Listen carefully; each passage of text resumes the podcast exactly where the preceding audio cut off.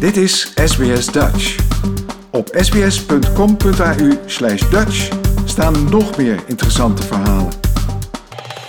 Helene heeft al jaren iets met Australië. Dat begon toen ze hier een keer op vakantie kwam. Ze woont en werkt in Nederland in de buurt van het Westland. Ze is zelfstandig filmmaker en is op eigen houtje begonnen aan een documentaire over Westlanders in Australië. Ze is, zoals je hoorde, nog op zoek naar mensen. Hoog tijd voor ons om even te bellen met Helene. Is dat nou echt interessant genoeg om daar een hele documentaire over te maken? Nou, ik denk van wel. Ik denk dat dat eh, heel interessant is. Ehm, het komt ook omdat ik er zelf ben geweest in 2010. En toen is eigenlijk ook het idee aangewakkerd om daar wat mee te doen. En dat heeft me eigenlijk sinds die tijd nooit losgelaten.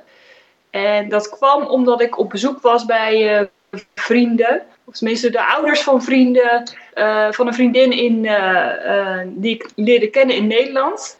En ik was bij hun thuis geweest. En zij nam mij ook mee naar haar ouders toe. En ja, dat vond ik zo, vond ik zo'n leuke ervaring dat ik dacht van hé, hey, daar, daar moet ik wat mee. En zo is eigenlijk een beetje het idee ontstaan van om uh, de documentaire te maken van Westlanders in uh, Australië. Even tussendoor, voor de mensen die het niet weten, en ik moest het dus ook zelf even googlen. Opzoeken, ja. Wat, ja, opzoeken. Wat is Westland? Nou, het is wel goed even om uit te leggen. Inderdaad, Westland. Uh, ik ben wel een klein beetje zenuwachtig. nee, het gaat zo weg, gaat zo weg. Oké, nou, uh, ja, het Westland is het, gebeur, uh, het Westland is een gebied in Nederland. Dat ligt ongeveer vanaf Den Haag tot aan ongeveer Zeeland. En in dat gebied heb je heel veel kassen. Kassen met tomaten, met paprika's, aardbeien. En daar heb je ook de groenteveiling. Dus in Nederland is dat een, ja, een bekend gebied als het gaat om kassenbouw. En jij komt uit Westland? Ik kom niet uit het Westland, ik kom uit Katwijk dat ligt eigenlijk tussen Amsterdam en het Westland in. Maar ik heb wel zeg maar kennissen en uh, vrienden daar wonen. De, dus je bent eigenlijk gewoon stiekem een beetje jaloers op die Westlanders? nou, ik vind, vind het gewoon leuke mensen. Het is een bepaald uh, type mensen, wat ja, harde werkers. Uh, niet lullen maar poetsen mentaliteit. Het zijn van die typisch Nederlandse mensen. En dat vind ik gewoon ook leuk voor de documentaire.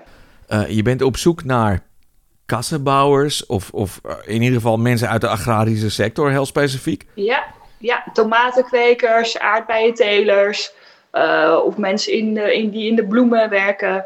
En dat het liefst eigenlijk uh, Westlanders die ook uh, bijvoorbeeld kinderen hebben gekregen en die het bedrijf overnemen of in het bedrijf werken. Dus dat je ook die tweede generatie, die wat jongere mensen zeg maar, te pakken krijgt. En dat, dat lijkt me gewoon ontzettend leuk om dat te verwerken in de documentaire. Het wordt eigenlijk een drieluik met drie verschillende portretten.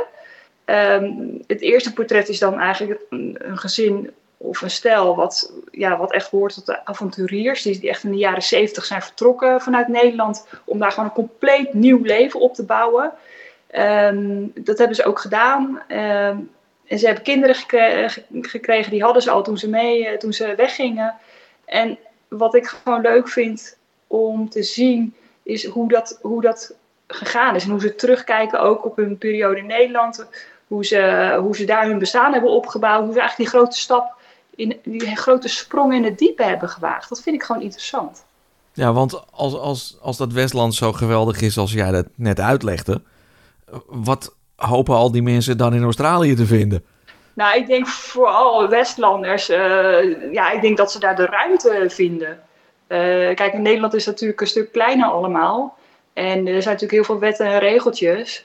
En in Australië ja, heb je natuurlijk wat, uh, wat meer ruimte, maar je hebt ook andere regelgeving. Um, dus ja, ik denk dat dat voor een ondernemer veel meer vrijheid geeft. Dus die, dat snap ik wel waarom ze daar naartoe zouden willen gaan. Stuk veel groter en veel meer mogelijk. Ja, nou, ik vind eigenlijk het allerbelangrijkste, omdat dit gewoon nu een proces is waar ik mijn eigen creativiteit in kwijt kan. En ik vind het gewoon fijn om mooie verhalen te maken. En dat vind ik eigenlijk het belangrijkste. Uh, en dat hoeven niet altijd de succesverhalen te zijn. Het mogen ook gewoon normale Nederlanders zijn die gewoon sprong in de diepe hebben gewaagd. En daar gewoon een mooi bestaan hebben opgebouwd. Die daar gelukkig zijn, die daar uh, een leven leven. En dat is eigenlijk uh, wat ik juist mooi vind, dat je gewoon echte verhalen eigenlijk in beeld brengt van gewone echte mensen. Uh, hoeft niet altijd een succes te zijn. Het mag ook gewoon zijn wat het is. Uh, vertel, vertel, eens, vertel eens een stukje over jezelf. Ja, nou ik ben, um, nou, ik ben 46 jaar, ik ben getrouwd. Ik kom dus uit Katwijk, ik woon in Rijnsburg. Um, ja, wat zou ik allemaal zeggen over mezelf? ik heb opleiding marketing en management uh, gedaan. Um, van marketing en management naar filmmaakster, maker. Dat is eigenlijk niet zo'n hele logische stap, of wel? Nee, maar ik zit achteraf ook te kijken van waar is het nou eigenlijk begonnen? En ik weet dat uh, toen ik een jaar of dertien was, toen heeft mijn vader een keer zo'n oude VHS-recorder uh, gekocht, zo'n camera. Hij wist zelf niet hoe dat ding werkte, maar uh, nou, hij had hem voor mij en mijn zus uh, gekocht. Mijn zus is anderhalf jaar ouder dan ik.